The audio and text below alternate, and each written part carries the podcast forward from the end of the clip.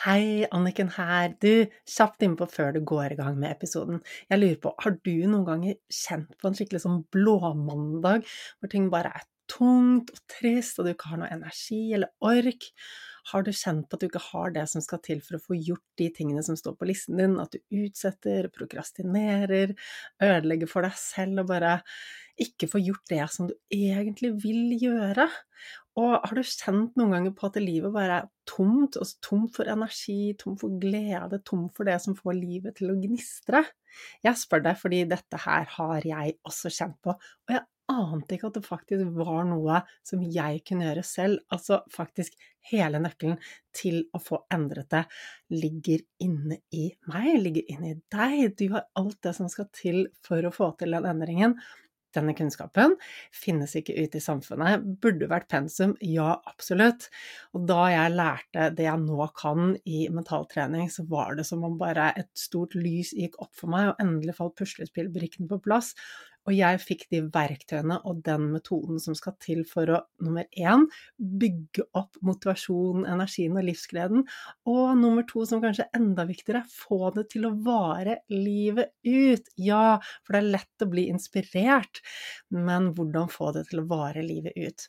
Og alt det her er grunnlaget for at jeg satte meg ned og brukte et helt år av livet mitt på å skrive boken Finn din superkraft, sånn at du også skal få tilgang til de verktøyene. Og det jeg har delt i boken, er ting som ikke er i podkasten.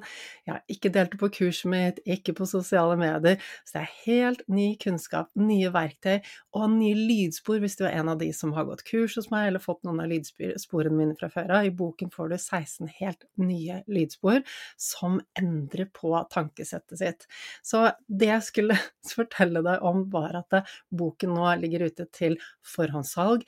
Frem til 1. mai så kan du bestille den på forhåndssalg, og da får du den sendt rett hjem til postkassen din med en gang den er på lager. Og det som er ekstra, ekstra fint med at du bestiller dem på forhåndssalget, og det lærte jeg først nå, siden jeg selvpubliserer og kunne jo ingenting om hva, altså hvordan publiserer man en bok, men nå har jeg skjønt at det, å få solgt mange bøker på forhåndssalget gjør at man lettere kommer inn på boklisten, og den er visst veldig magisk, for når man er der, så er det en stor hjelp. Det gjør at boken får spredd seg til enda flere, enda flere får hørt om det.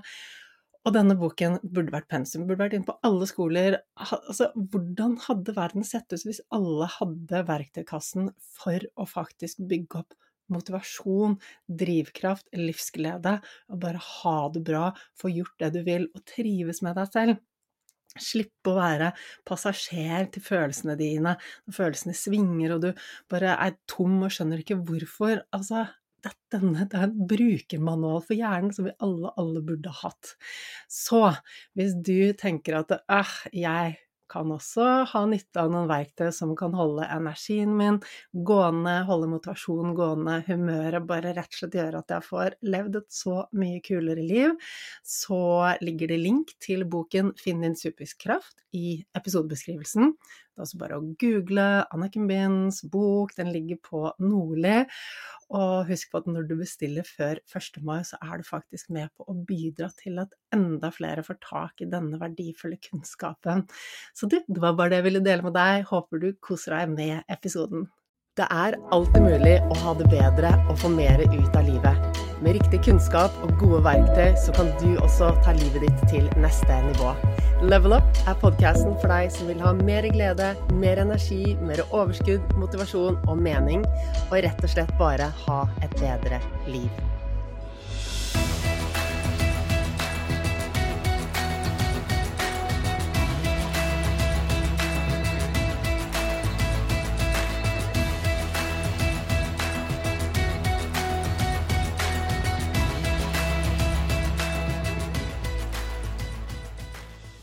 Hva er helt nødvendig for at du skal leve et lykkelig liv? Og hvorfor er det så skummelt å møte frykt og ubehagelige tanker og følelser? Og hvorfor er det helt nødvendig at du gjør det? Og hvordan kommer du i gang med å finne ut av hva drømmene dine egentlig er, og leve mer etter drømmene dine? Dette er noen av de temaene som Elin og jeg tar opp i ukens episode. Elin Aamodt er en superdyktig coach, tidligere jurist, jobber mye med lederutvikling. og har virkelig hjertet sitt på rett plass. Hun er en gullgruve av informasjon, så jeg vet at den samtalen her, den kommer du til å kose deg med. Hjertelig velkommen til Level Up, Elin. Det er så hyggelig å ha deg med i dag. Så hyggelig å være her, Anniken. Jeg er så glad for uh, samtaler med deg. Det, det, er alltid, alltid hyggelig å snakke med deg. Og vi har nå sittet og skravlet litt allerede. Men nå må vi ja. få på record her, sånn at vi får med oss alt det gullet. det var det jeg tenkte også. Vi kommer alltid litt, uh, litt under level, altså vi kommer alltid litt under overflaten, og det syns jeg er så godt. Så veldig fint å være her. Veldig bra. Så du Elin, vi jobber jo egentlig litt i samme bransje. Vi jobber jo med endringsprosesser. Kan ikke du mm. fortelle lytterne litt mer hvem Elin er? Jo, jeg heter Elin Aanot og jeg jobber nå som mentor og lederutvikler. Men jeg er utdannet jurist og har jobbet som daglig leder i nesten 15 år i musikkbransjen. Og det trodde jeg var på en måte mitt drømmeliv og min drømmejobb, og utad så så det veldig fint ut. Men det var noe annet som jeg kjente også var tydelig i meg, nemlig det å leve mer med hele meg, og den som jeg hadde lyst til å være. Så jeg fulgte drømmen min og flyttet til et liten øy i Lofoten med barna mine for snart seks år siden. Og etter det så har jeg hatt en stor livsendring som rett og slett går på det å leve mer fra hele meg, ta i bruk alle mine ressurser og det å skape gode endringer i verden, og at det starter med hvert enkelt menneske, det brenner jeg virkelig for. Og jeg har jobbet med endringer egentlig alltid, men nå er det jo spydspisset mot de som ønsker en personlig vekst, eller følger drømmene sine. For det er mulig for alle, og det er det som er så utrolig gøy. Mm Ah, Ja, det er så gøy. Altså, vi matcher hverandre så mye i de temaene vi jobber med, og og vår mission her i verden. ja. Og, og, det er jo så gøy uh, at det er mulig. Og jeg tenkte før da jeg var i denne fancy lederjobben, og det var veldig, veldig fint, men det gikk veldig fort. Det var veldig høyt tempo. Og jeg kjente at um, det å følge drømmene sine, det er jo noe sånn overskuddsfenomen og noe man gjør liksom når, når alt annet er litt fiksa. mm -hmm. Men så ser jeg jo at hvert enkelt menneske har så store muligheter. Mange flere enn det vi tror. Og det gir meg så Altså, jeg vet ikke hvordan det er med deg, Anniken, men jeg får sånn skikkelig kick av det. Man ser på alle endringene som går an å gjøre i mennesket. Og du står jo i masse endringer selv, og ser bare ikke sånn, transformasjoner av de som du jobber med. Det er jo Får ikke du også litt sånn wow? Sånn wow-følelse? Altså, jeg kaller meg jo en endringsjunkie. Jeg syns det er så gøy. Enten det er meg selv eller kundene mine. Så det å se at endringen skjer Det er jo like sånn hver gang jeg sitter og jobber én til én, og bare sånn når vi er ferdig med session, så ser vi at ansiktet forandrer seg. Det er liksom som lys bare har skrudd på øynene, energien er annerledes, og sinnsstemningen Altså, alt er annerledes, og det gir meg en så kick å bare se at det er mulig. Ja, og det er akkurat sånn med meg. Jeg, jeg, jeg kjenner at det der er så stort. Det å se forandringer i andre, da. Og rett og som du ser, det ses i øynene, det ses i, i huden, i glød, i måten vi snakker på. Plutselig mm. så er det derre skiftet fra man kanskje har vært i frykt, og så ser man at jeg har jo mer frihet her. Det er mer glede. og det er så rart, for jeg trodde jo at Jeg har jo alltid visst at jeg fantes i menneskene. Jeg har jo vært veldig visjonær egentlig hele livet og trodd på drømmer og begynte på jussen for å endre verden og ikke sant, sånne ting. Men så var det et eller annet med livet som bare gjorde det litt trangere og trangere. Og trangere, og plutselig så ble jeg en sånn som bare skulle gjøre det neste prosjektet, bare den neste store leveransen, ikke sant. Og så uten at jeg var klar over det, så bare begrenset mitt mulighetsområde litt inni meg. Mm. Og så levde jo liksom alle rundt meg altså litt på sånn travelt, da. Det bare er litt sånn repeat. Ja, og hva, hva, hva, hva tror du var som fikk altså ditt liv til å bli mer begrenset? Hva tror du det var? Et utrolig fint spørsmål. Hvis du hadde spurt meg da, mm. for 15 år siden, så hadde jeg sagt at det var en travel jobb. Mm.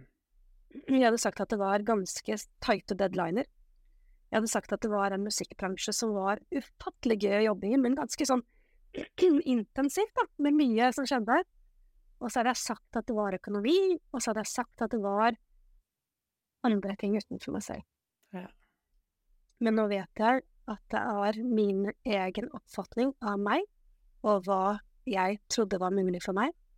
Og ikke minst at jeg på den tiden var helt ute, i, ute av kontakt med mine egne verdier, og hva jeg egentlig var redd for. Det var ikke der. Og jeg trodde det var der, og jeg var så god, Anniken, på juss og ledelse og stortingshøringer og debatter på TV. Jeg var kjempegod. Så min på en måte eh, ytre del måka på og var jeg, Og jeg fikk jo anerkjennelse og klarte veldig bra. Alle sa jeg var flink, og jeg solte meg i det. Jeg var flink. Alt det her. Men så gikk jeg på en lederutdannelse, Solstrand-programmet, som spurte meg om mine verdier. Og det syntes jeg var så ubehagelige spørsmål. Og jeg tenkte bare ah, nå skal jeg bruke tid på det, liksom. Jeg går her for å være en god leder.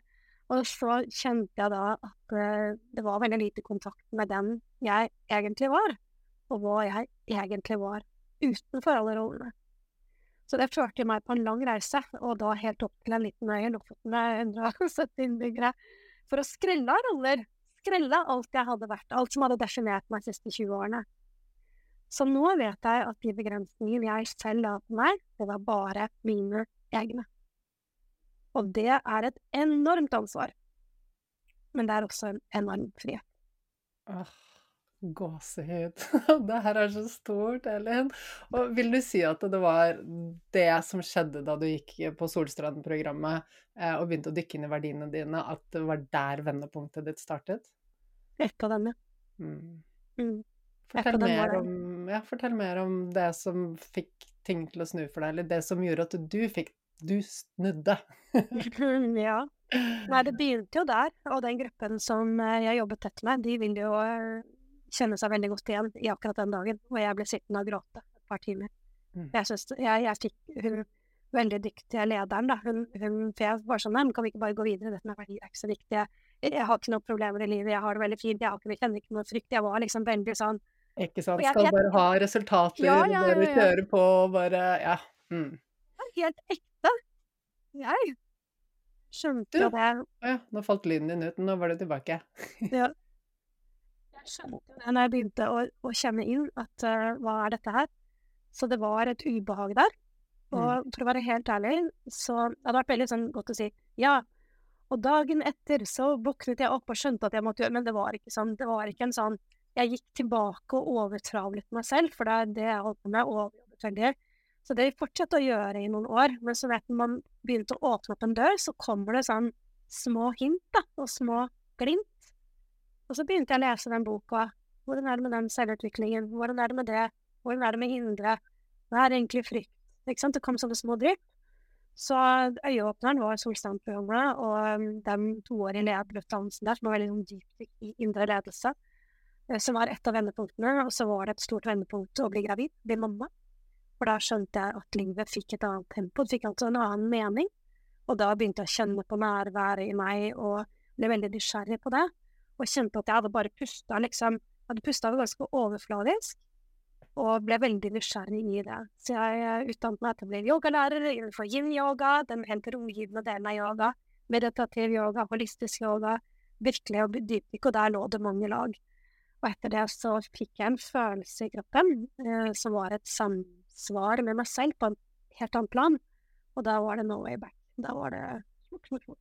Det er klart den store endringen skjedde også da jeg valgte å, å flytte fra Adamstua og godt ledig jobb og nydelig liv i Oslo og alle venner, og dra til Lofoten. Eh, For det er klart at det var et stort sprang, og min store drøm. Men det jeg heller ikke så for meg, var den støyen da, som kom inni meg selv når jeg begynte å stoppe.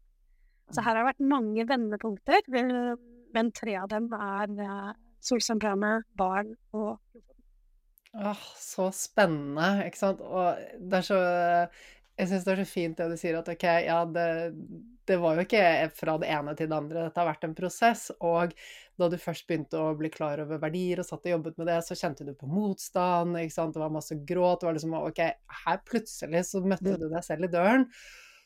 Og det kunne vært starten til at du bare la bort alt og dykket inn i det. Men det du gjorde, var å bare dytte det litt bort, sånn jeg hører leser det i hvert fall. Dytte det bort Helt og bare fortsette å være busy, fordi det er det du kjente, det er det som er Mm. trygt. Der hentet du raskt de gode følelsene.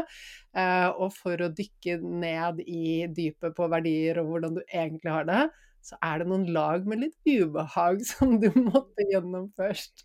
Ja, og jeg hadde ikke lyst til å kjenne på det. Nei. Og jeg hadde egentlig bare lyst til å glemme den delen av den ledertreningen, da, hvor jeg virkelig gikk i dypet meg. Jeg liksom prøvde å bortforklare det litt og si nei, men og det hadde, ikke sant, Så jeg, jeg hadde mange strategier for å unngå min egen smerte, som egentlig var åpningen inn til et dypere lag i meg selv. Og det vet jeg jo nå, at smerte, og de der som hører på også, smerte og det at man ikke har det så bra i livet, det tenker vi er at det er noe som er galt, og det er noe som Å, nei, gjort noe galt, ikke sant? Og så straffer vi oss selv med sånne negative tanker at å, det er noe jeg har gjort galt, og nå er det ikke sant, og så holder vi på sånn å reprodusere smerten. Men hvis vi ser på smertene og noe uro eller ubehag som en ny begynnelse, hva om det er et hint til å kanskje ta noen grep, eller kanskje oppdage noe i seg selv? For hvem har sagt at alle dagene skal føles gode? Det, det er ikke slik, og livet mitt er fremdeles ikke sånn. Jeg vet ikke med deg, Anniken, men jeg har fremdeles dager som kan føles ikke sant? Sånn eller slik, og, og, det du har vært gjennom i sommer, ikke sant, det er jo, det er jo rimelig heavy ting, egentlig. Eh, men det handler om det å kunne romme det også, og se at i den smerten så ligger det enormt mye læring. Og det er så jo det, bare informasjon. Det er nettopp det det er. Og det er jo en av de virkelig store endringene i livet. Når jeg ser tilbake, så er det liksom tre store Ikke bare sånne vendepunkter, men, men tre store innsikter da, som har fått livet mitt til å snu. Og det ene er jo nettopp det. Kunne romme smerte, kunne holde vonde følelser. Ikke løpe fra dem, ikke unnskyldes av dem, ikke være sint på meg selv for at jeg har dem, ikke bortforklare dem, ikke skylde på andre jeg har dem, men rett og slett kjenne dem i kroppen min, og kjenne at ok, hva ligger det her av informasjon? Mm er så verdifullt. Og der er jo en av de største nøklene til endring. Fordi det som skjer hos så å si alle, er at når det dukker opp ubehagelige tanker og følelser, så skyver vi de bort og legger lokk på de. Og det er jo mange grunner til det. Og det er jo ikke noe sånn det er ikke sånn 'Å, jeg er dum fordi jeg gjør det, jeg burde visst bedre'. Men det her er jo rett og slett Det ene er jo hvordan samfunnet har lært oss til at det bare lykke og det perfekte mhm. som er det gyldige og riktige. ikke sant? Alt av markedsføring og filmer er sånn 'Du skal være lykkelig. Gjør dette, så blir du lykkelig.' Og det er det eneste riktige. Og det er feil å være lei seg. Hvis vi er lei oss, så tar vi piller for å bli glad igjen, ikke sant? Så det er jo sånn det er i samfunnet. I tillegg så er jo hjernen vår skrudd sammen sånn at den automatisk styrer oss bort fra alt ubehag og mot det som gir behag. Det er en sånn overlevelsesmekanisme fordi ubehag, det betyr at noe kan være farlig. Da skal vi bort fra det, mm. uansett hva det er. Så hjernen prøver ikke å skille og finne ut av hva det ubehaget kommer fra, men det er bare sånn det havner i kategorien farlig. Du skal bort fra det. Og da vil vi automatisk bare OK, det dukker opp noe ubehag, og før vi har tenkt oss om, så har vi mm. skjøvet det bort, og vi har distrahert oss med sosiale medier eller med mat eller alkohol eller jobb eller trening eller et eller annet. Uh, og sånn går nå dagene hvis vi ikke blir bevisst på dette. For hva skjer egentlig når vi legger lokk på alle de vonde, ubehagelige tankene og følelsene, Ellen? Ja, det som skjer, er at vi løper fra oss selv. Det var iallfall sånn det føltes for meg. Akkurat som at jeg løp fra en del av meg som jeg ikke hadde lyst til å møte. Og det er en slags selvforakt, så en sånn slags selv... Hva skal jeg si At man ikke aksepterer hele seg, da. Og det som også skjer, er at uh, vi løper fra det som kan være veldig gode endringer. Hvis vi bare søker det som gir oss en kort nytelse, eller uh, en, en, hva skal jeg si, slukt fra følelsen, da så får vi ikke tak i den dypere visjonen. Det er iallfall det som er min erfaring også nå så langt, etter noen hundre timer med coaching, og, og har gjort dette noen år i forhold til å veilede andre til drømmene sine og hva de ønsker seg. Mm. Enten endringer som leder de med min lederutvikling, også hvilke endringer man ønsker seg, enten for seg selv eller for organisasjonen, ikke sant, man leder bedriften, eh, eller på det personlige planet. Det er det samme, det er de samme skal jeg si, mekanismene som styrer oss, da. Og i bunn og grunn så handler det om å bli kjent med det jeg kaller grønnfjellet. Og grønnfjellet i deg, det er verdiene, hva du står for, hva, hva som betyr noe for deg. Eh, og det er også hva du er redd for. Og ofte så er vi så overfokusert på verdiene, alt vi vil ha mer av, alt det er kjempeviktig og veldig, veldig, veldig viktig å være klar på hva vi hva, hva som betyr noe, ikke sant? Og livsvisjon er sånn stort, men en livsvisjon. Alle styrer etter noen ting i dag. Du gjør noen valg basert på noe. Og jo fortere du kommer i kontakt med hva det noe er, jo bedre blir det å være deg. Men det er like viktig å være i kontakt med hva som du frykter, og hva du er redd for. Mm. Og veldig ofte så unngår vi å se på det vi er redd for, fordi at vi er redd for det, og det er helt naturlig. Og i inngangen av det er det veldig viktig å ikke være sint på seg selv for at man er redd for det, eller tenke negativt om seg selv, for da er vi på en måte Vi er ikke like langt, for vi har jo begynt på en slags endring. Men endringen kommer ikke før vi virkelig ser på oss selv med et vennlig blikk, da. Ser at ok, jeg har gjort sånn fram til nå av en grunn.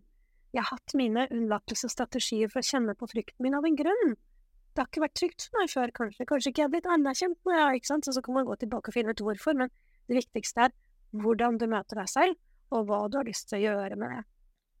Så jo fortere du blir klar for grunnfjellet ditt, jo mer kan du leve i tråd med den du egentlig er.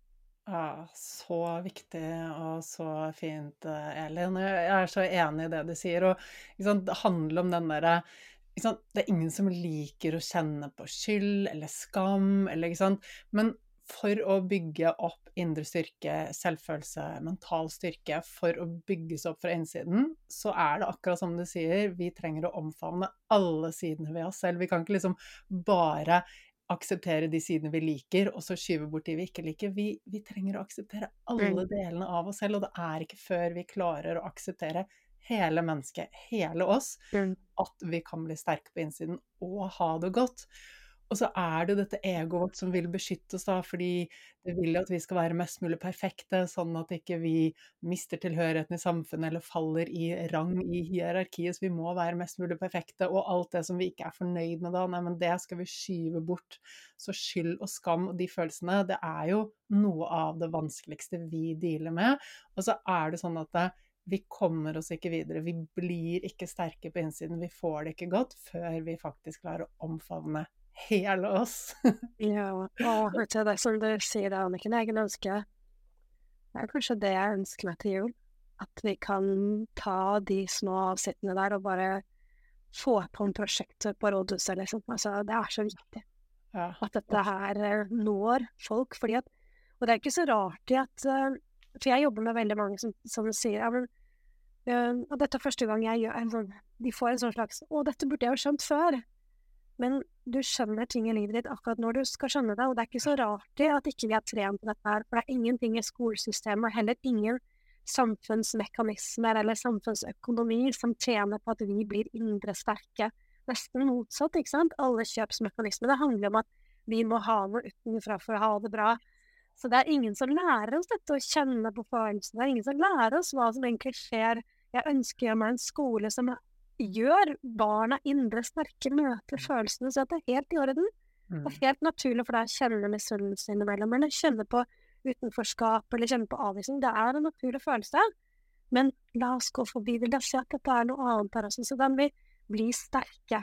Men istedenfor så har vi et samfunn som går veldig, veldig fort. Noe som gjør at vi ikke stopper opp kanskje og kjenner så mye. Og at vi er veldig, veldig ytrefokuserte. Og hva ender vi opp med da? Jo, mange som er liksom halvveis fornøyde med livet, og mye utbrenthet og ikke sant. Det er selvfølgelig et mye større bilde, men det er en del av det. Og det er så viktig når man ønsker å leve et godt liv gjennom endringer, følge drømmene sine og kjenne på alle følelsene. Ja, alle følelsene.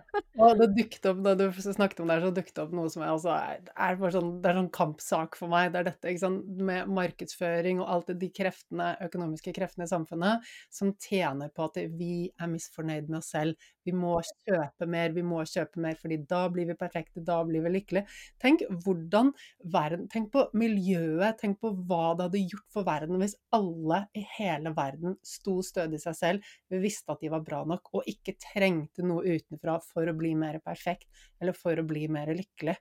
Altså, hva hadde det gjort med miljøet vårt? Altså, den, den, vi er jo midt i en stor miljøkrise. Tenk, tenk, om vi kunne fått alle til å bare vite at de var bra nok, og ikke trengte noe mer, og at de kunne generere sin egen lykke, og ikke trenge å hente den utenfra hele tiden. Yeah. Altså, uh, I'm in, for å si det sånn. Uh, og um, det er jo Jeg mener jo at det grønne skiftet handler om et indre skifte. Ja. For når vi er mer i kontakt med oss selv, så er vi mer i kontakt med naturen, da er vi mer i kontakt med alt rundt. Mm. Det gjør også at vi tar vare på jorda, sånn som vi kanskje vet innerst inne vi, vi, vi kan, ikke og som vi kanskje bør, og kanskje det er godt, men så, så er det et eller annet allikevel som gjør at ikke vi gjør det. Og det er gjerne denne ytre fokusen på alt dette vi tror vi må eh, og skal, og så. Så nei, det, det grønne skiftet handler om et indre skifte. Og det indre skiftet er så viktig også, ikke bare for å ta vare på Og der merker man jo også at du kan jo være din egen jordklode inni kroppen din, altså ta vare på kroppen sin. Jeg vet iallfall meg før at jeg, det var mye ikke sant, litt fast før det skulle gå litt raskt. det skulle gå liksom.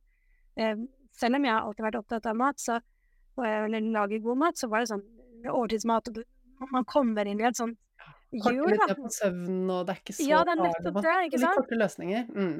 Korte løsninger, og det gjør at også kroppen da responderer, ikke sant, med litt korte Så dette er et stort bilde. Men det er kjempeviktig, ikke bare for den indre, kroppslige, ikke sant, men også um, miljøet. Mm. Men ikke minst også for at vi faktisk kan leve det livet vi har lyst til. Da. Ja. For det er jo et paradoks at vi lever i et så veldig godt land som det Norge er. Vi har ikke krig, det er mat og butikker, bensin på bensinstasjonene. Men så er de aller fleste av oss er vi på en måte Vi lever et sånt liv i overlevelse, Mm. og ikke et liv vi bare kjenner at Å, jeg lever det livet jeg drømmer om. Og det er det som er så deilig med deg, Anniken, for du er jo en av de jeg kjenner som lever det livet du drømmer om. Du drar og surfer, og du er sammen med jentene dine, og du drar på Hemsedal på ski, og bare Jøss, hver gang jeg ser dem, jeg er så glad. For du viser at det er mulig å leve det livet som du drømmer om. Du har tatt det ansvaret. Mm. Jeg vet for at jeg jobber med disse prosessene, at det er jo ikke bare å si ja, men da, på mandag da begynner jeg med det livet. det ligger jo en, ikke sant? Det ligger en anerkjennelse. Hva er dine viktigste verdier? Og der vet jeg at du er jo bunnsolid på verdiene dine. Hva Mm. er dine frykter? Du har jo gjennomgått disse prosessene. Mm. Men det for en person å virkelig kjenne, og det er, jeg snakket om noen, noen knagger, da, og det er gjerne tre, tre ting som, er, som har snudd livet mitt for meg. Og det første er å ta 100% ansvar for meg selv. Ikke skylde på andre, ikke se på omstendighetene rundt, men kjenne at det er til enhver tid noe jeg kan påvirke i livet mitt. 100% ansvar. Det er mitt ansvar, jeg tar det. Det er det første. Det andre er det med drømmene. Jeg kan tillate meg å drømme det jeg vil, og følge drømmene mine. Og jeg vet nå at jeg har i meg det som trengs for å følge drømmene mine. Og jeg vet at alle har det. Vi har i oss evnen til å se for oss det livet vi ønsker oss, noe vi drømmer om, noe vi har lyst til å ha i livet vårt. Det er ikke noe unikt med meg eller deg, det kan alle gjøre. Og det tredje er dette som vi har snakket om mye til nå, nettopp det å møte alle følelsene. For på veien dit, til drømmene dine, eller på vei til et liv som du ønsker, så vil det oppstå noen hindringer. Og der ligger det veldig mye frihet også å møte det. For disse hindringene vil jo dukke opp uansett om du følger drømmene dine eller ikke. Så gjør det likevel. Åh, ja, når du sier dette med hindringer um, Hindringer og vi, vi tenker ofte når vi går inn i en sånn selvutviklingsprosess og vi skal bygge oss opp, at det er bare sånn Jeg skal bare over noen hindre, og så er jeg ferdig. ja. Og så er det liksom at hvert nivå av den prosessen har sine hindre. De er helt ulike eh, på Mm. hvert nivå, og, og det er den motstanden som dukker opp, det er den derre 'jeg vil ikke', eller 'kjenner på ubehag', og det, det er liksom alltid etter at hinder som kommer og tar deg litt med overraskelse, gjerne.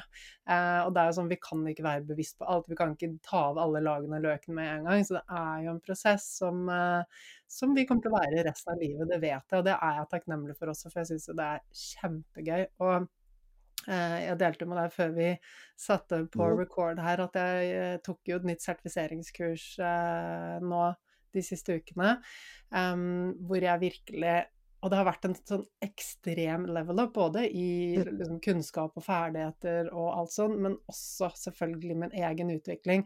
Og jeg gikk jo inn i det og bare Ja, dette her kan jeg jo så mye om. Og så det liksom, var det litt andre måter å jobbe på, litt andre perspektiv. Og så brukte jeg litt yeah. Lang tid på, på å omstille meg, så kjente jeg at Mm. hun instruktøren trigget meg så innmari. Å, så deilig! og jeg ble så sånn og Jeg er sånn der, jeg liker å bestemme over min egen tid, og nå må jeg sitte her hver dag i åtte timer på kurs og skrive en eksamen. Det var så masse sånne ekstra ting de påla oss å gjøre som jeg bare Jeg vil ikke! Um, så jeg måtte bare le av meg selv. Det var mange lag av motstand jeg skulle gjennom da disse to ukene hvor jeg jobbet med meg selv og lærte meg Det var mye nytt. og Det var, liksom, ja, det var mange, mange ting på en gang. Um, men til syvende og sist så fornøyd med hele den prosessen. Det er så inspirerende at du fortsetter å investere i dette og gå i lagene. Og det som du sa om at vi, vi tror på en måte at vi skal et sted, da. Det er så viktig å være klar over at Og jeg vet det er så enkelt i prinsippet, men det å skjønne det i de dype lagene av seg selv, at vi skal ingen steder. Det er ikke slik at vi skal noen steder med dette her. Det er en gradvis utfoldelse av din livsfrihet. Det Den en gradvis sette deg selv fri. Og det er ikke noe som skjer mandag klokka seks eller innen 2030. Det er på en måte en, en, en gradvis utforskning av deg. Mm. En reise. Og det er så veldig viktig å gå inn i det med denne den energien òg, for jeg møter veldig mange, og jeg veileder også veldig mange til drømmene sine, og det er jo helt fantastisk hvor masse drømmer det er der ute. Jeg kunne ønske at nyhetene kunne ha mer fokus på altså, ja Bare de drømmene som følges, bare i den sfæren jeg har kontakt med. Det er så fantastisk. Det er så mye bra mennesker. Mm. Det er så utrolig mye herlige folk som står opp for livet sitt, følger det de tror på, følger drømmene sine, skaper jobber, slutter jobber, begynner forlag, begynner reiser Altså, det er så mye livsglede. Det er så mye bra som skjer. Men det er så viktig at ikke vi heller knytter en sånn reise, da, som er veldig viktig, og veldig viktig frigjøringsprosess og alt det der, men at ikke vi tenker at når jeg kommer fram dit, da blir livet bra. Når jeg har skrevet den boka, da blir det bra. Eller jeg har fått uh, den økonomien, så blir det bra. Eller fulgt den drømmen, så blir det bra. Eller bare jeg har fått møtt den frykten, så blir det bra. Eller bare jeg har fikset forhold til mammaen min, så blir det bra. For det er et litt sånn felle i forhold til å virkelig lene seg inn i ydmykhet og tillit til hva personlig utvikling og hva livet er. Livet kan by på masse utfordringer på veien, og masse gleder og masse overraskelser. Og så er det ikke slik at vi skal utsette å leve til forholdet til noen er for fikset, eller til økonomien, eller til drømmen av noen. Nei, vi skal rett og slett kjenne at vi kan være det her og nå. Og det er så viktig. Ja. Og det handler om å romme gleder. Følelser av gode. At vi snakket om å romme vonde følelser. Men det å faktisk omfavne her og nå at det er greit å ha det godt. Akkurat her og nå så lever jeg det jeg drømmer om. Akkurat nå så er livet fantastisk å kunne få lov å puste inn i det også. Mm. Ikke bare skal videre. Åh, ja, og, og, så er det jo sånn at vi, vi legger lett merke til det som er problematisk i hverdagen vår. Um, fordi hjernen er jo på utsikt etter ting som kan være farlig, selvfølgelig. Og det er jo sånn at det, når vi først får øye på noe som er problematisk, så går skylappene litt ned. Og det er jo helt normalt. ikke sant? I en faresituasjon, hvis vi spoler tilbake et par millioner år og vi er på savannen, hvis det er noe hjernen oppdager som er farlig, så skal du ha fokus på det, og ikke alt det som er fint. Eh, ikke sant? Så når vi begynner å se problemer i hverdagen vår, så jo, får vi jo lett et sånn begrenset fokus, at fokuset blir på problemene. Og at vi ikke da åpner opp for de tingene som er bra i livet, akkurat sånn som du snakker om. Og til å liksom spole litt tilbake til det vi har snakket om tidligere i samtalen, det at det er så lett Eller vi gjør det jo alle, setter, legger lokk på de ubehagelige følelsene og skyver de bort. Og det jeg er veldig opptatt av, er at når vi legger lokk på de vonde følelsene, så klarer vi ikke å skille mellom vonde og gode følelser. Vi legger jo lokk på alle følelsene. Og det er da vi, sant, sånn som du beskriver eh, hvordan livet ditt var, altså du la jo lokk på hele deg. Vi gjør jo det, vi legger lokk på hele oss. Vi mister kontakten med hvem vi er, hva som er viktig for oss, hva som egentlig er glede i livet. Og så forveksler vi glede med måloppnåelse, med liksom positive tilbakemeldinger utenfra og det å stige i anerkjennelse. Så blir det glede, for vi har ikke kontakt med den ekte gleden på innsiden. Ja, jeg sa tidligere at uh, vi burde hatt noen sånne avsnitt på rådhuset. Her, her har du akkurat noen av de. oh, yes. Det er så viktig, for at vi tror, vil si samfunnet gir oss den feilaktige informasjonen, eller vi tolker den slik av det som det har vært tolket i generasjoner, kanskje. At uh, vi skal stenge opp for de negative følelsene og åpne opp for det gode. Alle vil ha mer av det gode, mm. men ingen vil åpne hjertet for hele spekteret. Mm. Og det er din evne til å romme de ubehagelige følelsene i deg, frykten i deg, hva man er grunn, hva man er redd for, det vil være helt proporsjonalt stigende med din evne til å romme det gode. Ja. Du kan ikke lukke hjertet bare for det vonde. Du vil også da lukke hjertet for det vonde, nei, for det gode. Så du er nødt til å bare virkelig kjenne at hele deg rommer både de gode og de vonde følelsene. Ja, og det kommer vi ikke utenom. Og du, Elin, du, jeg har jo hørt deg fortelle en historie før, og det var da du sto på kjøkkenet, stemmer ikke det, og kjente på en frykt. Kan ikke du gå litt inn i den historien? Jo, dette var eh, Jeg var nyskilt, eh, så det er eh, åtte år siden cirka. Og hadde et ganske travelt liv, og syntes jo det var også litt behagelig at det var travelt, for da kjente jeg ikke så mye på det. Så det var deilig å jobbe mye i den perioden, for da kjente jeg ikke så mye på at det var vondt.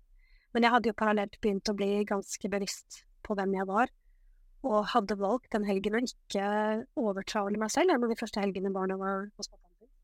Og stå og rørte en suppe og hva det var på leilighet, i leiligheten min på Hanstua. Og kjente bare sånne ordentlig tak av eh, tristhet, sorg. Eh, og kjente at det var vanskelig å være meg. Og jeg kjente så godt hva mine strategier var for å løpe fra den smerten. Og det var scrolle på telefonen, eh, skru på TV-en, gå ut og jogge en mil, eh, spise et eller annet. Men så våget jeg å gjøre det motsatte. Jeg husker det så godt, for det var et tårn bare strømmet ned, og jeg rørte og rørte og rørte, bak akkurat som monopol.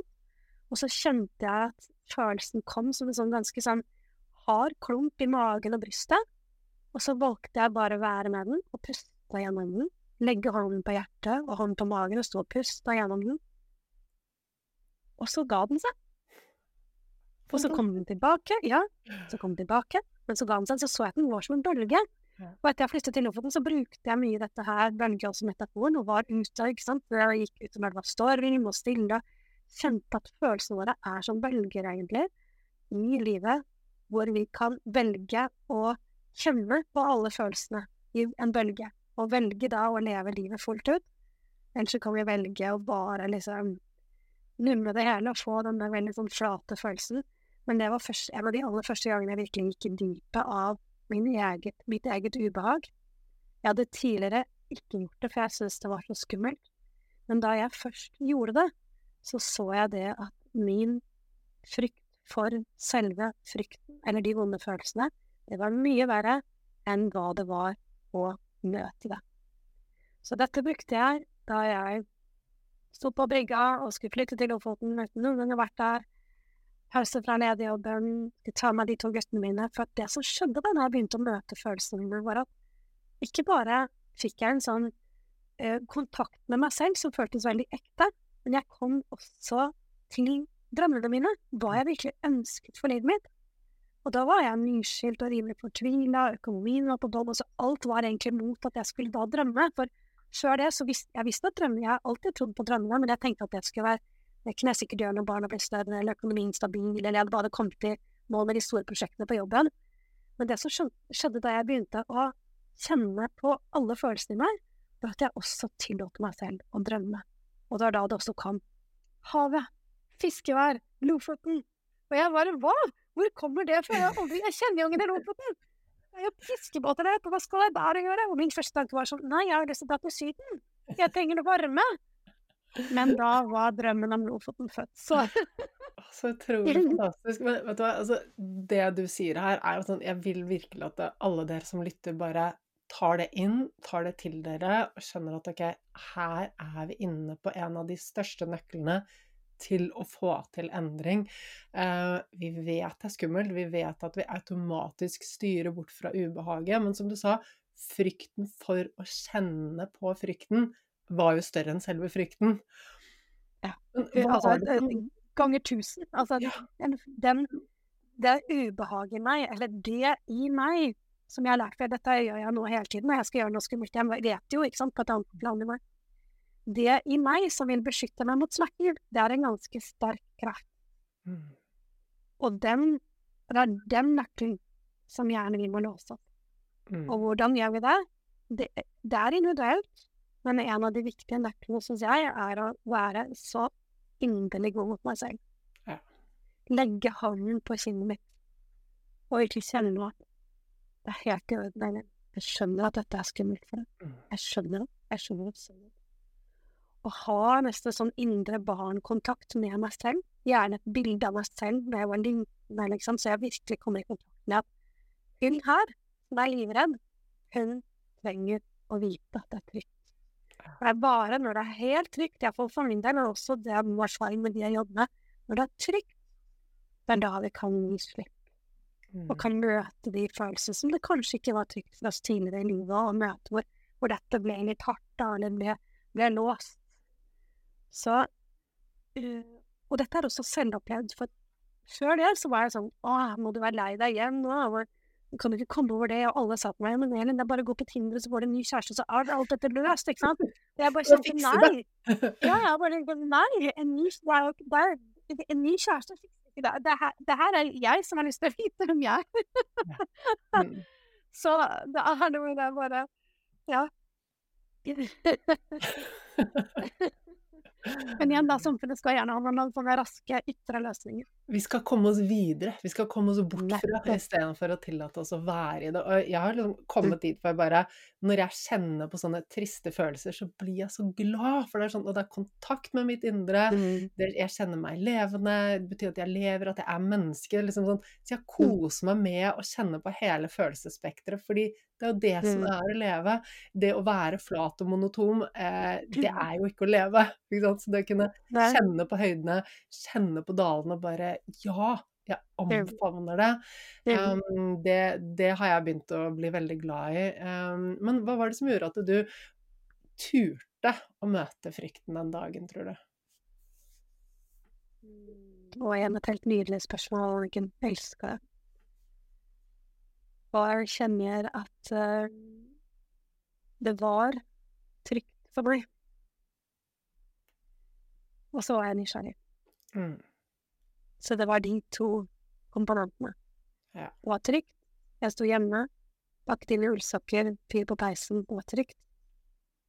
Jeg hadde tatt meg selv gjennom, ikke sant, Eh, yoga og masse indre uttrykk. Jeg hadde tatt meg selv gjennom, så det føltes Selv om det var skummelt, så var det et eller annet som jeg kjente at eh, Nærværet her og nå, jeg er trygg. Jeg husker jeg også kjente det. Husker jeg pustet ned i beina. Husker jeg kjente at akkurat her og nå så var jeg trygg Mm. akkurat her og nå var jeg trygg.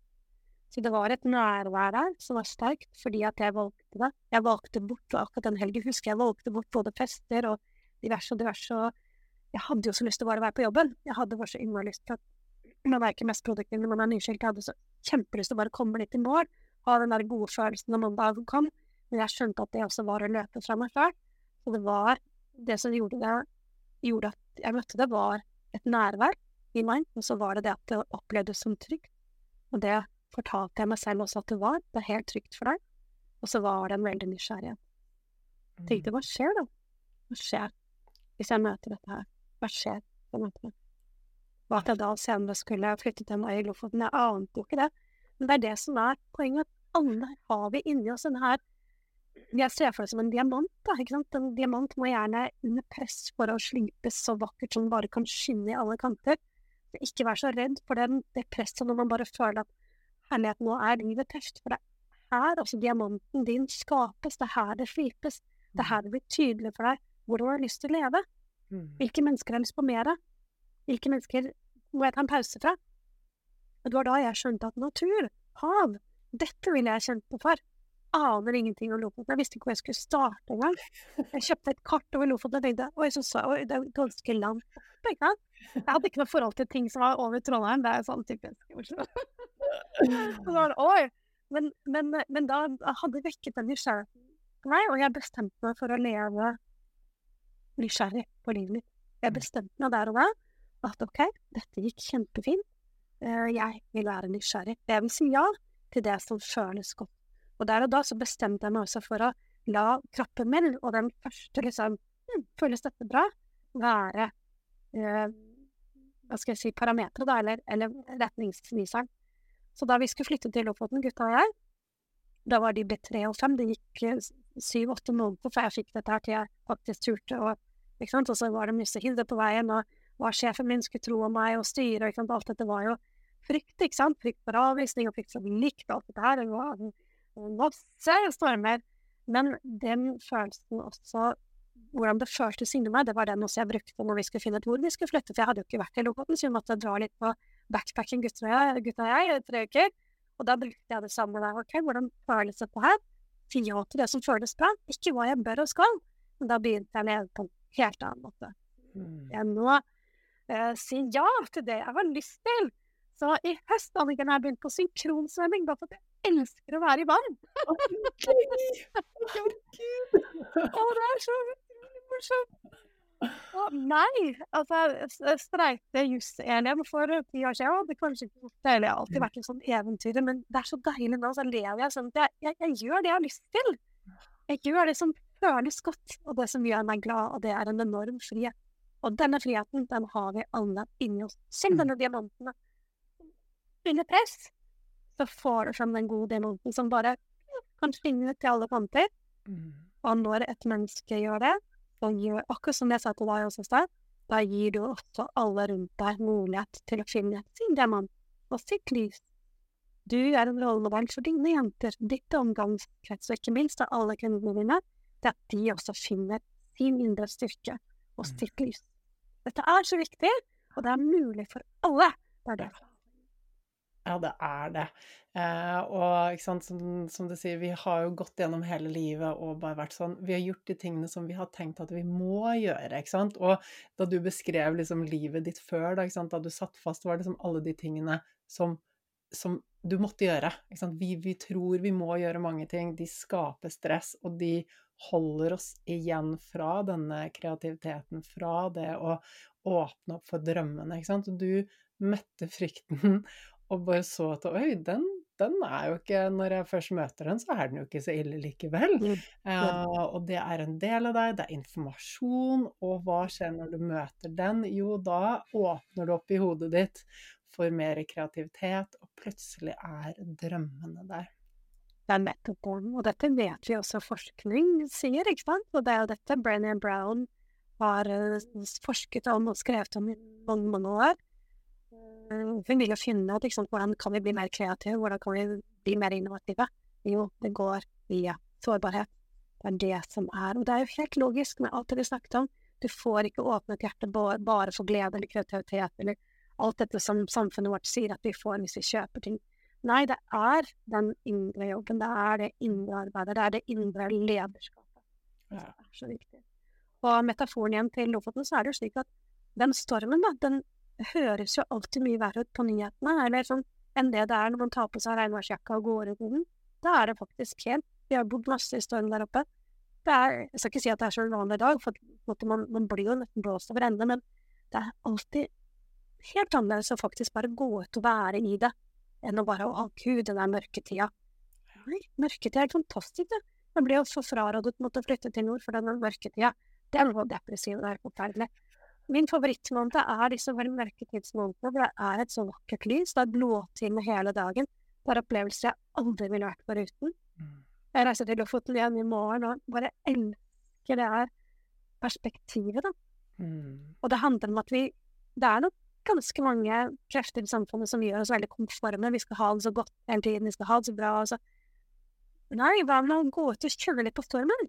Mm. Hva med faktisk å, begynne nå? Begynne å gå ut når det er regnvær, og kjenne at det regner mot huden, og gå en tur og bli skikkelig sliten, og vente til å bli skikkelig sulten innimellom, og kjenne med en varm dusj når du kommer inn, og altså Å, leve! For det er ikke så ille når vi først tar steget ut i det. Og det minner meg også om at jeg før så mislikte jeg vinteren så innmari. Og etter at jeg sant, var ferdig med videregående, og så, så tilbrakte jeg mange, mange år i Asia, Latin-Amerika, Afrika. Jeg elsket at det var varmt og deilig, og så flyttet jeg hjem til Oslo for en periode og skulle studere, og det var vinter, og jeg husker at jeg hadde jo ovnen på inne, så var det sånn 38 grader inne i leiligheten min. Jeg sånn, vil ikke ut! Det er mørkt, og det er kaldt, og det er vinter, og bare sånn så ubehagelig. Jeg liker ikke vinter i det hele tatt. Og så har jeg snudd. Og hva er det jeg har gjort? Jo, jeg har begynt å gjøre utendørsaktiviteter på vinteren som gjør at jeg kommer meg ut, blir kald, går på trynet, blir sliten, eh, utfordrer meg, leker, og plutselig så elsker jeg vinteren. Ah, det er så inspirerende. Og jeg tenker også til dere som hører på det, så er dette overførbart til alles liv. For jeg tror at alle har dette, denne lille hobbyen, eller kanskje det malekurset eller den boka. Liksom. Uansett så kan vi velge å fylle oss selv på med litt inspirasjon hver dag. Og med en gang vi begynner å gjøre det, så skjer det veldig gode ting. Med en gang du sant, begynte å utforske strand, så ser du at oi, det snur. og bare dette med synkronsvømming på meg i høst, det har jo snudd opp ned på hva jeg trodde vann var. liksom lære å stupe kråke i vannet, opp ned og stå på hodet. Det, det, er så utrolig mye gøy. Det gjør at det liksom Det åpner opp hele meg. Mm. Det, og nå vet jeg jo at det, at det er sånn som skjer, og, men allikevel så er det noe med det Man er liksom Kanskje mange er redd for å prøve noe nytt og sånt, men, men det handler om litt å ta kontakt med den du har lyst til å være. Se for deg selv når du er gammel, liksom, så kjenne at det er noen ting som du vil være stolt av når du er gammel. Mm hvilke valg er det som kan gjøre i dag? Og, og, det er så viktig at dette her kan andre gjøre i småskala eller storskala. Det trenger ikke å være å flytte til Lofoten eller begynne på en vill hobby eller begynne å kaste seg til slalåmbakken, men, men, det kanskje kan være det ene nettkurset, eller det kan være den boken som man leser, eller kanskje det dansekurset på lokalet, eller spørre om en venninne har lyst til å være med og gå tur hver kveld og få seg litt ut av hakket, på en måte. Um, det er så viktig. Um, det er mm. kjempeviktig, for at vi har dette ene livet. Og det å leve dette fulle, det er, så, det er så stort at vi kan få lov til å gjøre det. Og det er mulig i Norge. For nå hadde jeg akkurat tenkt til å spørre deg, Helin, hva er det beste tipset hvis folk skal komme i gang? Og da kom du med hele svaret. I hvert fall veldig godt svar. Det er kjempefint det du sier. og Det handler om å ta det ned til ditt liv, ditt nivå. Ja, kanskje du er, har en hektisk jobb, du har små barn, kanskje hverdagen ikke byr på så mye rom. Ja, da, da trenger du eh, Du trenger jo ikke, som du sier, å flytte til Lofoten eller å liksom gjøre store omveltninger. Hva er den tingen du kan gjøre som passer med der du er nå i livet ditt? Som vil bare gi deg mer av det gode, eh, åpne opp mer i hodet ditt. Um, og det at du gjør noe for deg selv, som setter i gang disse Det setter i gang en sånn dominoeffekt av muligheter av gode tanker og følelser, versus det å Når vi fokuserer på begrensningene og fryktene, så setter det i gang en sånn dominoeffekt av alle de tingene vi ikke har lyst på. Så det er sånn Hvilken vei vil vi at dominobrikkene skal begynne å dette? Ikke sant? Vil vi at de skal gå i den konstruktive, gode retningen som gir oss et liv som vi digger å leve, eller vil vi at det skal gå i den begrensede retningen hvor vi lukker dører, hvor vi setter foten ned på bremsen, hvor vi holder igjen, hvor ting blir begrensende? Og det valget har vi selv. Og det trenger ikke handle om å ta et stort skritt og gjøre noe helt crazy gærent. Det handler om en liten ting, en bitte liten ting. Og det, å, jeg elsker det her, Anniken, for dette der. er vi tror, og når man ser på sånn historien din og historien min, så tror man at det var dette ene store valget. Eh, og for meg så innebar jo disse endringene også store geografiske endringer. Slutte i lederjobben, altså alt, alt dette her. Men den viktigste endringen var den som skjedde på innsiden av meg. Og den skjedde ikke i sånn jops, den skjer av bitte, bitte, bitte, bitte, bitte, bitte, bitte, bitte, bitte småskritt. Og det er kanskje du spurte liksom til å komme i gang. Det er flere innfallsvinkler til det. Enten så kommer man jo fra et sted i smerte, eller så kommer man for at man har liksom drømmen veldig tydelig, da. Men uansett så handler det om å være litt bevisst på hva det du tenker hver dag. Hva er det du Ikke sant? Vi har jo bare ikke 70 000-80 000 tanker og sånn. Kjenn hva, hva er det du mater deg selv med? Hva er det ting du ikke liker, eller er det ting du liker? Være sånn ærlig på det. Uh, og kjenne at uansett hvor du er i livet, så har du et valg å fokusere hvor, hvor du vil ha fokuset ditt hver dag. Så det å begynne å se hm, Nei, nå har jeg tenkt at det er veldig vanskelig i mange uker. Ok, ja, skjønner det. Da er det en grunn til at du har det da.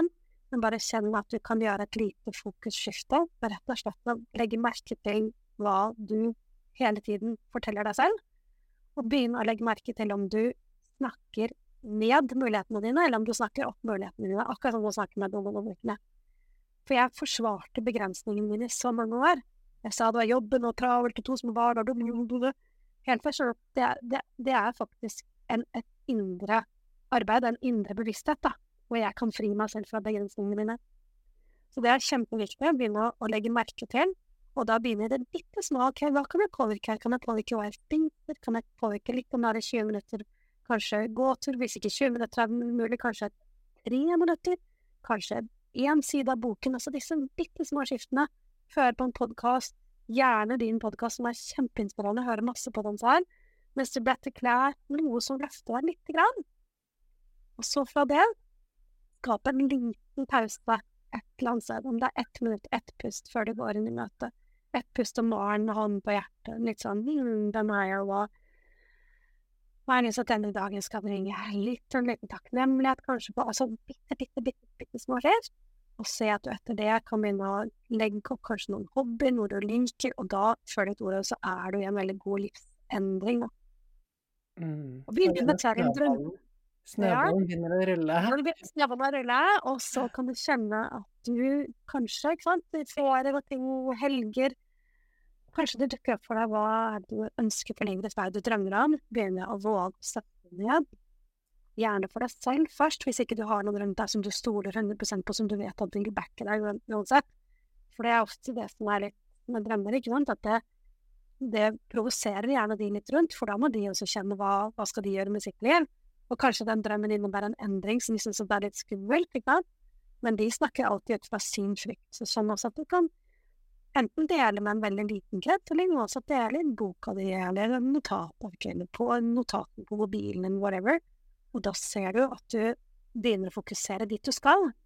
Og med små fokusendringer da hver dag, hva du kan påvirke, så vil du skape kjempegod endring. Mm. Ah. Amen. Og Du, så god samtale, Elin. Dette her var skikkelig, skikkelig fint. Eh, Det var en fin avrunding på et så viktig tema som vi begge brenner for og jobber for. Og vi trenger enda flere som er med på å spre dette budskapet og jobbe for at det er flere og flere altså, kan rett og slett få av alle lagene av løken, få frem det gullet de har på innsiden stå stødig i seg selv, leve i frihet, og vi vet at det er ikke bare bra for hver og en, det er bra for hele verden. Det er det verden trenger for at ting skal gå fremover på en god måte. Miljøet, vi, tre vi trenger det for alle. Og vi trenger å være gode rollemodeller for barna våre. Og vise at det er mulig. Mange sa til meg da jeg skulle flytte til Lofoten, men ja, men skal du ikke vente til barna er store? Men det å faktisk leve det livet man ønsker, og vise også overfor barna at det er mulig, Mm. og også ta med dem på noe. Nå vet vi ikke hvordan, ikke sant. Hele tiden si at det er, det er helt greit at man ikke vet alt. Men vi finner ut av det. Ja. Vi finner ut av det. Det er ikke farlig å gjøre ukjente ting. Det går fint. Det er akkurat det. Og så viktig å gi det til barna når de er små. Det er at alt ordner seg, det fins alltid en mulighet, og vi finner ut av det. Vi skjønner litt altså, hvilken rytme som er god for dem, ikke sant. Så sånn, ja, da vi var på oppdagelsestur, så er det sånn, ja, vi kunne sove dit, og vi kunne holde det, men, men hver kveld så leste vi bok. Hver morgen så spiste vi frokost sammen, og kanskje spilte kort, og sånn. Det er de små tingene som, som teller, da, egentlig. Eh, Så er vi så opphengt i at det skal liksom være så bra på utsida, men nei, det er de bitte små endringene i hverdagen. Det blir ikke bra på innsiden av å fikse på utsiden. Det er vi versa. Når- Det er, det det. Og det som er så fint med deg, Anniken, at du er så fokusert på den indre styrken. For det er jo Jeg mener jo at 80% av all endring skjer jo på innsiden. 20% er den action vi gjør på utsiden. Men vi er så opptatt av den derre bare hoppe og bare gjøre. Men det er ikke bare å gjøre det. Hvis man er livredd, så er det ikke alltid bare ikke, Du skal ikke teste sånn, men det handler om den indre styrken, som du Mm. snakker veldig godt om. Mm. Og det som vi har snakket om også til nå, møte den, de indre trollene, møte hva man er redd for, møte drømmene, våge å kjenne på store drømmer. Og da, når man da gjør action, så går det også mye lettere. Ikke sant. Herlig. Du, Elin, de lytterne for at de skal lære mer om alt det fine du har å dele, hvor er det de finner deg? De finner meg på Instagram under navnet mitt, Elin Aamodt. Med to år. Ja. Da er det å gå inn og følge Elin der for å lære mer om eh, de tingene du jobber med, som matcher veldig godt de tingene jeg jobber med, som bare utfyller hverandre og gjør budskapet mye, mye sterkere. Å, takk skal du ha, Anniken. Jeg er så um, glad for å ha sånne fine kollegaer som deg i, um, i verden. For det er viktig, det som skjer, og som vi begynte med, da. Disse endringene som skjer i hvert enkelt menneske, det er stort når det skjer. Og det har mye å si for hvordan hun har det, eller han har det, men også hvordan han eller hun møter barna sine, hvordan de møter hverandre i parforholdet, hvordan de blir eh, i hele familiesetting, hvordan de er på jobben, hvilke endringer de skaper. Så det er Vi er som sånne små ringer i vannet, alle sammen. Så din stemme betyr noe, og du som hører på, det som du drømmer om, det betyr noe. Din stemme er viktig. Ja. Så viktig. Så fint. Du, Elin, tusen, tusen takk for at du var med. Tusen takk, Anniken, for kjempefin prat. Hva sitter du igjen med nå etter denne samtalen? Jeg håper at det åpnet opp noen dører i hodet ditt, at du fikk noen nye perspektiv, at du kanskje ble litt mer nysgjerrig på deg selv, på ubehagelige tanker og følelser, på drømmer, på rett og slett å utvikle deg mer og bare se hvilket potensial du har i deg. For det er når du begynner å gjøre den indre endringen, at ting begynner å endre seg i livet ditt. Så du, tagg gjerne Elin og meg i sosiale medier når du lytter til episoden. Elsker å høre hva du får ut av den, hva det betyr for deg, hvilke aha-øyeblikk som dukker opp hvordan du kommer til å bruke denne kunnskapen fremover, både for deg selv, for de du er rundt, kanskje for barn, eller kanskje for ansatte på jobben. Hvordan tar du med deg kunnskapen videre og bruker den? Fordi jeg vet at kunnskapen er viktig. Jeg vet at den skaper positive endringer i samfunnet. Og er det noe vi trenger den dag i dag, så er det at vi begynner å sette i gang enda flere av de positive ringvirkningene i verden. Og du, hvis du vil komme i gang med å bygge deg opp fra innsiden, så kan du laste ned min guide til å bygge selvtillit. Veldig enkelt, gå inn på annikenbinds.com selvtillit. Jeg legger også en link i episodebeskrivelsen. Der får du en PDF med viktige steg for å begynne å bygge selvtillit, og en lydfil som du kan lytte på, som virkelig går inn og jobber med underbevisstheten din og hjelper deg til å ha mer tro på deg selv. Og er det noe vi alle trenger, så er det mer tro på oss selv. Og som vanlig så blir jeg supertakknemlig når du går inn i iTunes og gir en tilbakemelding, en rating, når du laster ned episoden og abonnerer. Dette er jo det som gjør at flere får oppdage podkasten og det viktige budskapet som er i podkasten, fordi eh, vi trenger å få det ut til verden, og måten vi gjør det på, er å rett og slett å sørge for at det flere får tak i podkasten, at flere kan få lyttet i den. Så deler du den med venner og kjente, laster ned, abonnerer, så er du med på å bidra til å gjøre verden til et bedre sted, og det setter jeg utrolig, utrolig stor pris på. Så du, da gleder jeg meg til å se deg igjen neste uke.